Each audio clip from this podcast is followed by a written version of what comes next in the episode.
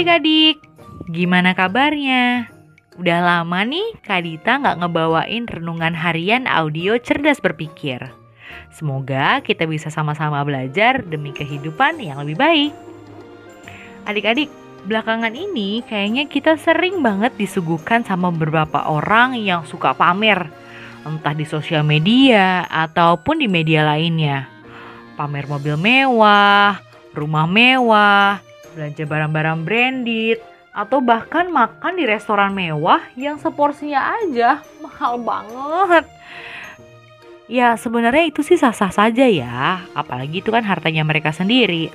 Walaupun secara pribadi Kadita sih nggak setuju sama kelakuan mereka ya.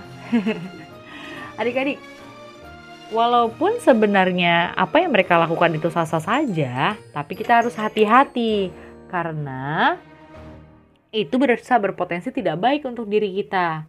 Yang pertama gini, konten-konten kayak gitu bisa membuat kita berpikir kurang lebih kayak gini nih. Wah, kalau misalnya kita hidup kayak dia, enak banget ya. Kalau aku bisa punya uang sebanyak dia, pasti hidup aku lebih enak. Duh, enak banget ya hidupnya dia. Adik-adik, sebenarnya nggak salah sih kalau kita punya keinginan untuk menjadi orang kaya. Justru bagus kalau kita jadi orang kaya, kita bisa jadi lebih efektif mengabdi sama Tuhan dan menolong sesama. Nah, yang salah adalah berpikir bahwa kekayaan itu bisa memberikan kebahagiaan atau berpikir bahwa kekayaan itu adalah sumber kebahagiaan. Coba kita pikir dulu. Emang benar kekayaan adalah sumber kebahagiaan? Atau memangnya kekayaan satu-satunya hal yang bisa memberikan kita kebahagiaan? Enggak dong pastinya. Gini, Kak Dita kasih contoh. Misalnya kalian lihat seorang artis namanya Tono. Lagi pamer HP Banana 20 Ultra Max Pro. Terus kalian berpikir, kalau kalian punya HP tersebut, pasti kalian bahagia. Nah, suatu hari kalian punya kesempatan nih buat punya handphone tersebut. Bayangin deh, pasti kebahagiaannya cuma sementara doang, pada saat hari pertama doang Hari kedua, ketiga, seminggu, sebulan, pasti kebahagiaannya berkurang atau malah hilang. Nah, berikutnya adik-adik akan cari kebahagiaan lain.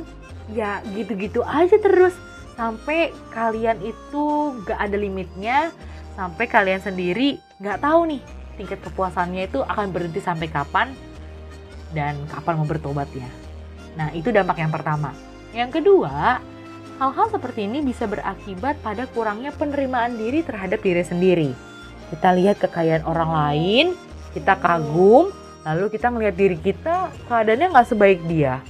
Kalau udah begini, besar kemungkinan kita jadi nggak terima sama keadaan diri kita sendiri. Bisa jadi minder juga loh. Lama-lama kita justru malah jadi nggak bersyukur. Adik-adik, termotivasi sama orang lain itu boleh, sah-sah saja malah bagus.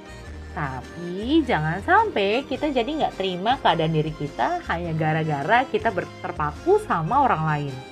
Nah, sekarang Kak Dika mau kasih beberapa saran nih supaya adik-adik nggak terjebak sama potensi dampak buruk dari konten pamer-pamer tadi. Yang pertama, saran Kak Dita sih, mending gak usah tonton lagi deh ya. Masih banyak konten-konten lain yang bermanfaat dan jauh lebih menyenangkan untuk kalian tonton. Yang hobi sama musik bisa buka konten belajar musik, ngulik-ngulik tentang musik. Begitu juga yang lain, yang suka masak, yang suka bahasa. Ada banyak banget konten seperti itu. Saran yang kedua, kalau lihat dan menilai seseorang, lihatlah bukan cuma dari kekayaannya, tapi dari prestasi, kerja keras, atau perjuangannya dia. Lagian di dunia ini kan masih ada loh orang-orang kaya yang nggak dilihat dari kekayaannya saja, tapi dari perjuangannya dan hal baik yang ada padanya. Kalian coba deh cari orang-orang yang demikian sebagai motivasi. Bukan malah cari orang-orang yang suka pamer kekayaan. Lagian itu kan cuma sementara aja, nggak dibawa mati kok. Rasul Paulus dalam surat 1 Timotius 6 ayat 7 bilang gini, Sebab kita tidak membawa sesuatu ke dalam dunia dan kita pun tidak dapat membawa apa-apa keluar. Jadi kaya itu memang baik adik-adik.